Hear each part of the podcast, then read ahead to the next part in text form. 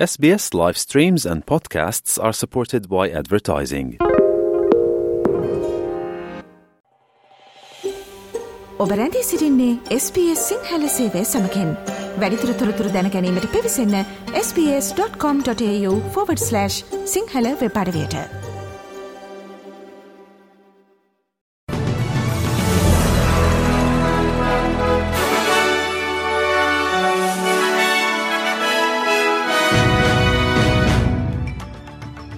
අද සැප්තැම්බර් මස පස් වනදා අඟහරුවාදා ස්පේ සිංහල සේවේ ප්‍රෘතිගෙනන මම මධුරසන විරත්න. ආසියන් සහ නැගෙනහිර ආසියානු සම්බුලුවට සහභාගිවීම සඳහා ඔස්ට්‍රඩන් වග්‍රාමාත්‍ය ඇන්තනි ඇල්බනිසි ඉන්දුනීසියාව බලා අද පිටත්වයයි. අග්නිදිකාසියාවේ කලාපිය රටවල් සමඟ සබතා වැඩිදිවුණු කිරීමේ උත්සාහයක් ලෙස අගමැති ඇල්බනිසි එහිදී ලෝකනායකින් හමුවනු ඇත. මෙම සංචාරය ඔහුගේ සතියකට ආසන්න ආසියනු සංචාරයේ පළමු කොටස වනත් ඒට පිළිපීන සංචාරය සහ පසුව ඉන්දියාවේ පැවත්වන ජීවිස්ස සම්බලුවට සහභාගවීමද ඇතුළත් වේ. මෙම සංචාරයේ වැදගත්කම පිළිබඳ ස්්‍රරන් වග්‍රාමාත්‍ය ඇන්තනි ඇල්බනිසි මෙලෙස අවධහරණය කළේය. I can guarantee you that so many of the leaders at those gatherings will want to discuss the future of your industry.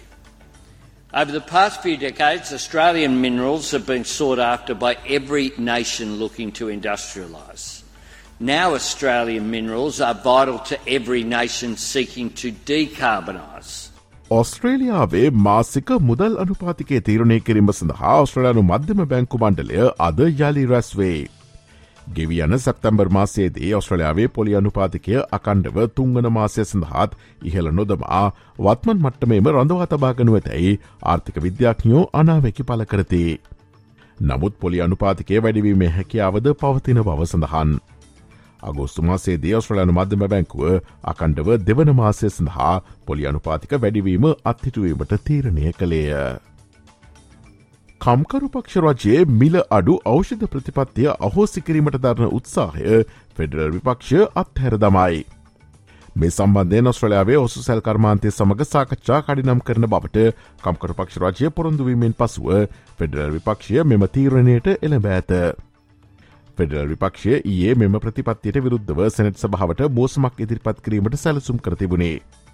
නමුත් මෙම ගැටලු විසඳීමට කම්කරු පක්ෂරාජය සද්භාවයක් නොපෙන්වන බවට පෙනී යනවා නම් අදාළ මෝසම නැවත ගෙනන බව ෆෙඩරල් විපක්ෂයේ සෞඛ්‍ය කටතු පිළිබඳ ප්‍රකාශිකා ඇන්රෝස්ටන් පැවසවාය. ජනප්‍රිය වල්නාශකයක් වන රවන්් අප් පිළිකා ඇති කරන බවට චෝදනා කරමින් යොමු කළ නඩුවක් ඔස්ට්‍රඩානු ෆෙඩරල් අධිකරණය විභාග කිරීම ඇරඹෙයි. රෝගී බවට හඳුනාගෙන ඇති ඔස්ට්‍රලන් වන්සිය ගණනක් සහභාගී වී මෙම නඩුව යොමු කර ඇති නමුත් රවුන් අප් නිෂ්පාදකයා අදාළ නිෂ්පාදනය පාරිභෝක්‍යන්ට භාවිත කිරීමට ආරක්ෂිත ලෙස නිපදවා ඇති බව අවධහරණය කරයි. කෙසේ වෙතත් මෙම නඩු කටයුත්ත පාරිභෝක්‍යන්ගේ පාර්ශවයෙන් ඉතා වැදකත් බව නීතික්ෂ ඇන්තනී වොට්සන් පවසයි. The federal court in an important class action is going to determine whether Monsanto's Roundup product is a human carcinogen which causes non Hodgkin's lymphoma.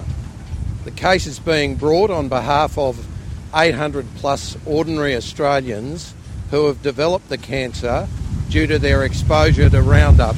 Sri ලංකාවෙන් වාර්තාාවන පුවත් අද වැඩස්රහණේ මෞබිමින් පුවත් විශේෂාන්ගෙන් බලාපොරොත්තුවන්න. අප්‍රිකානු දේශකුනික සමුළුවේ මංගල රැස්සීම සඳහා අප්‍රිකානු නායකයෝ වැඩි පිරිසක් කෙන්යාවට රැස්ව සිටිතේ. දේශකුනික විපර්යාසවලට අප්‍රිකාව නිරාවරණයවීම වැඩවීම සහ අප්‍රිකානු මහද්දීපයේ ඒ ආශ්‍රිත පිරිවය ආමන්ත්‍රණය කිරීම සඳහා මෙම රැස්සීම කැඳවා ඇත. එක් සජාතින්ගේ සංධානයට අනුව ලෝකයේ කාබන් විමෝචනයෙන් අප්‍රිකාව පිටකරනුවේ සයට දෙකත් තුනත් අතර ප්‍රමාණයක් පමණක් වන නමුත් ගෝලිය උණුසුම ඉහලයා මේ වඩාත්ම බලපෑමට ලක් වූ මහද්දේපය ලෙස අප්‍රිකානු මහද්දේපය සැලකේ.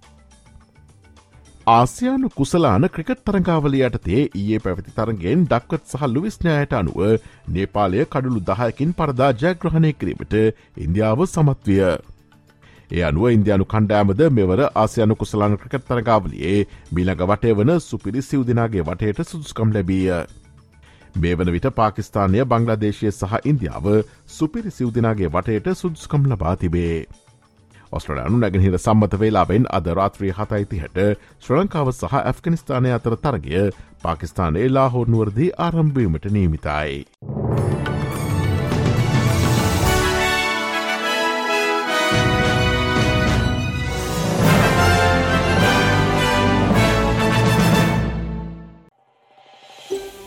මේ වගේ තවත්තොරතුරු දැනගන්න කැමතිද. එහමනම් Apple podcast Google podcast Spotify ඔබගේ පොඩ්කාස්ට ලබාගන්න ඕනේම මාතයකින් අපට සවන්දය හැකේ.